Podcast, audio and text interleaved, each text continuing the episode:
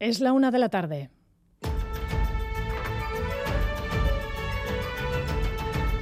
Crónica de Euskadi con Aichiber Bilbao. A Rachaldeón Gustío y el mercado laboral sigue dando síntomas de gran fortaleza. Hoy tenemos la encuesta de población activa del segundo trimestre del INE que confirma el aumento de la ocupación en Euskadi, que ya indicó el Eustat la semana pasada. La tasa de paro en la comunidad autónoma vasca es del 7,1%, la más baja del Estado, donde también se registran datos históricos de ocupación. Rodrigo Manero. Sí, España alcanza por primera vez los 21 millones de ocupados tras sumar 600.000 en este último trimestre. El paro baja casi dos puntos hasta el 11,6%, un nivel que no se veía desde antes de la crisis financiera. Aquí en Euskadi, el INE confirma los datos del Eustat, con una ganancia de 33.000 ocupados, la tasa de paro baja al 7,1%, la más baja del Estado. La mejor evolución se ha dado estos meses en el sector servicios y entre las mujeres. Estos datos confirman la revisión al alza de las previsiones de crecimiento económico de Euskadi que el Gobierno vasco realizará a la vuelta del verano. Escuchamos a Pedro Azpiazu, consejero. Dado que efectivamente, bueno, incluso el entorno está funcionando mejor de lo que se preveía anteriormente, las previsiones para la economía española del Fondo Monetario, por ejemplo, han dado unas cifras algo más elevadas de las que habían previsto antes. Es decir, que en este sentido es muy posible que nosotros también variemos nuestras previsiones al alza.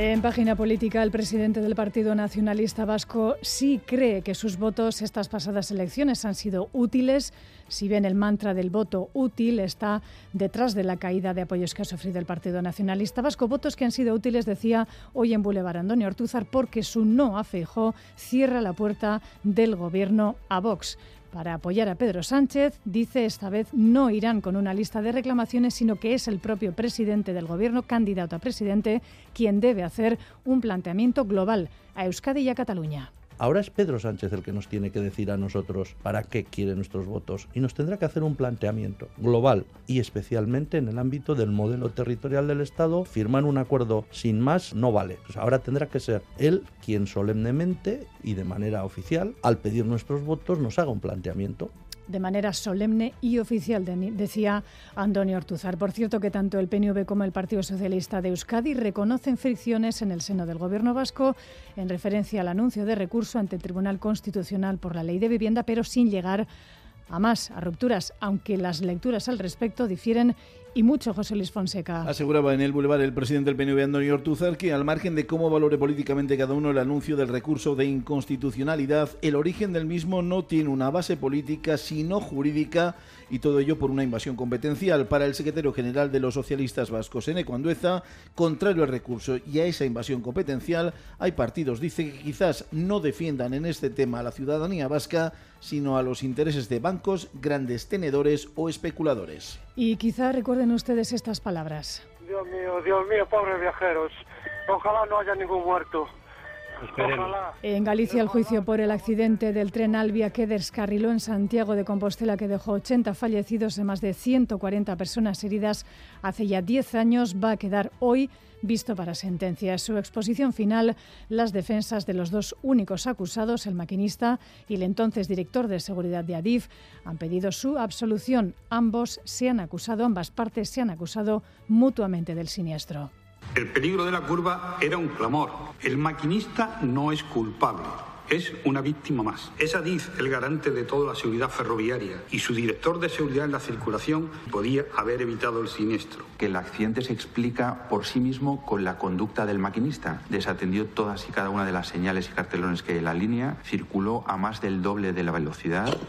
Y los incendios siguen sin control y haciendo estragos sobre todo en la isla italiana de Sicilia, las islas griegas y también en Argelia. En este último país son ya 40 las personas muertas por el fuego, mientras en Sicilia se denuncia la falta de medios para hacer frente a los numerosos focos. Julio Guinea es profesor universitario, está haciendo una investigación arqueológica en la isla. Es que la isla está abandonada. Abandonada en cuanto a medios, en cuanto a personal, en cuanto a capacidad, desbordada. El fuego está pasando de un lado a otro de la autopista, de cuatro carriles. No cortan lo que son las carreteras, con lo cual pasas en medio de las llamas con el consiguiente riesgo. Ves como el humo sobrevuela y cae en las cabezas y dices, pero ¿y aquí quién frena esto? No, es que no había medios para frenar el fuego llegando a las casas y no había bomberos para detener. Luego te enteras que ha habido muertos en las llamas. Aquí en casa, después de varias jornadas sin luz y menos sol, hoy día completamente veraniego, luz el sol en todo el país a esta hora. ¿Cuál es el ambiente en la playa de la Concha? David Beramendi, Arracha León. A León, buenas tardes a todos. Pues cielo totalmente azul aquí en Donosti, no se ve ni una sola nube, 24-25 grados de temperatura y además bandera verde, es decir, ni rastro de las temidas carabelas portuguesas. Como se pueden imaginar, la playa de la Concha está llena a rebosar por fin, como bien decías, un auténtico y verdadero día de verano para disfrutar de la playa. Gracias David, pero lo cierto es que a este panorama le queda poco porque por la tarde el tiempo va a cambiar radicalmente e incluso se esperan tormentas. No se descarta incluso que caiga granizo en el este y sobre todo en el área de Pirineos. De hecho, a las 3 de la tarde en dos horas se va a activar un aviso amarillo por precipitaciones en el eje del Ebro, interior de Vizcaya, interior de Guipúzcoa y Álava Central hasta las 9 de la noche. Se podrían superar los 15 litros por metro cuadrado en una hora, especialmente en Araba. Así que por la tarde, pues a cambiar las chancletas, quizá por las botas. Tenemos a esta hora temperaturas altas todavía, 28 grados en Vitoria-Gasteiz, 28 también en Iruña, 27 en Bilbao, 26 en Bayona y 23 grados en Donostia. En página cultural les contamos que la huelga de actores de Hollywood está teniendo un efecto negativo en los preparativos de Cinema al Día. Su director, José Luis Rebordinos, admite que películas de grandes estudios no vendrán a Donostia, pero que tanto Cinemaldia como el Festival de Venecia están intentando lograr el permiso del sindicato de actores para que las productoras independientes sí puedan venir a Europa. Respecto a los posibles premios Donostia, incluido el de Javier Bardem y la participación estadounidense en el juzgado, en el jurado, perdón, por ahora todo está en el aire. José Luis Rebordinos. Hace una semana se cayó todo, pero todo significa que un actor como Javier Bardem no podía recoger el premio Donostia, porque él también es del SAG, del sindicato que está en la huelga. ¿Dónde estamos hoy? Estamos viendo que el SAG está dando waivers, está dando permisos a películas independientes. A24 todas sus películas pueden promocionar. ¿Por qué? Porque parece ser que A24, la famosa productora importantísima norteamericana de moda, cumple ya los requisitos que ellos están peleando en la huelga. Vamos ahora con los titulares del deporte esta jornada. Álvaro Fernández Cadierno, Arrachaldeón. Arrachaldeón, fútbol y golf con el cuarto grande femenino de la temporada se disputa en Francia. Arranca ya con Carlota Ciganda entre el elenco de participantes. En fútbol, el Atlético juega a las 7 ante el Racing de Santander. Entre tanto, jugados anoche, Alaves 1 Tenerife 0 y Amorebieta 2 Eibar 1. Osasuna ha logrado la cesión oficial del lateral colombiano Mojica y en el Tour de Francia femenino, hoy quinta etapa, allí tenemos a Anne Esteban en undécima posición. Sin incidentes en carretera hasta ahora, arrancamos ya esta crónica de Euskadi en el control técnico Joseba Ruel y Jorge Ibáñez y en la coordinación Imanol Manterola. Crónica de Euskadi con Aichiber Bilbao.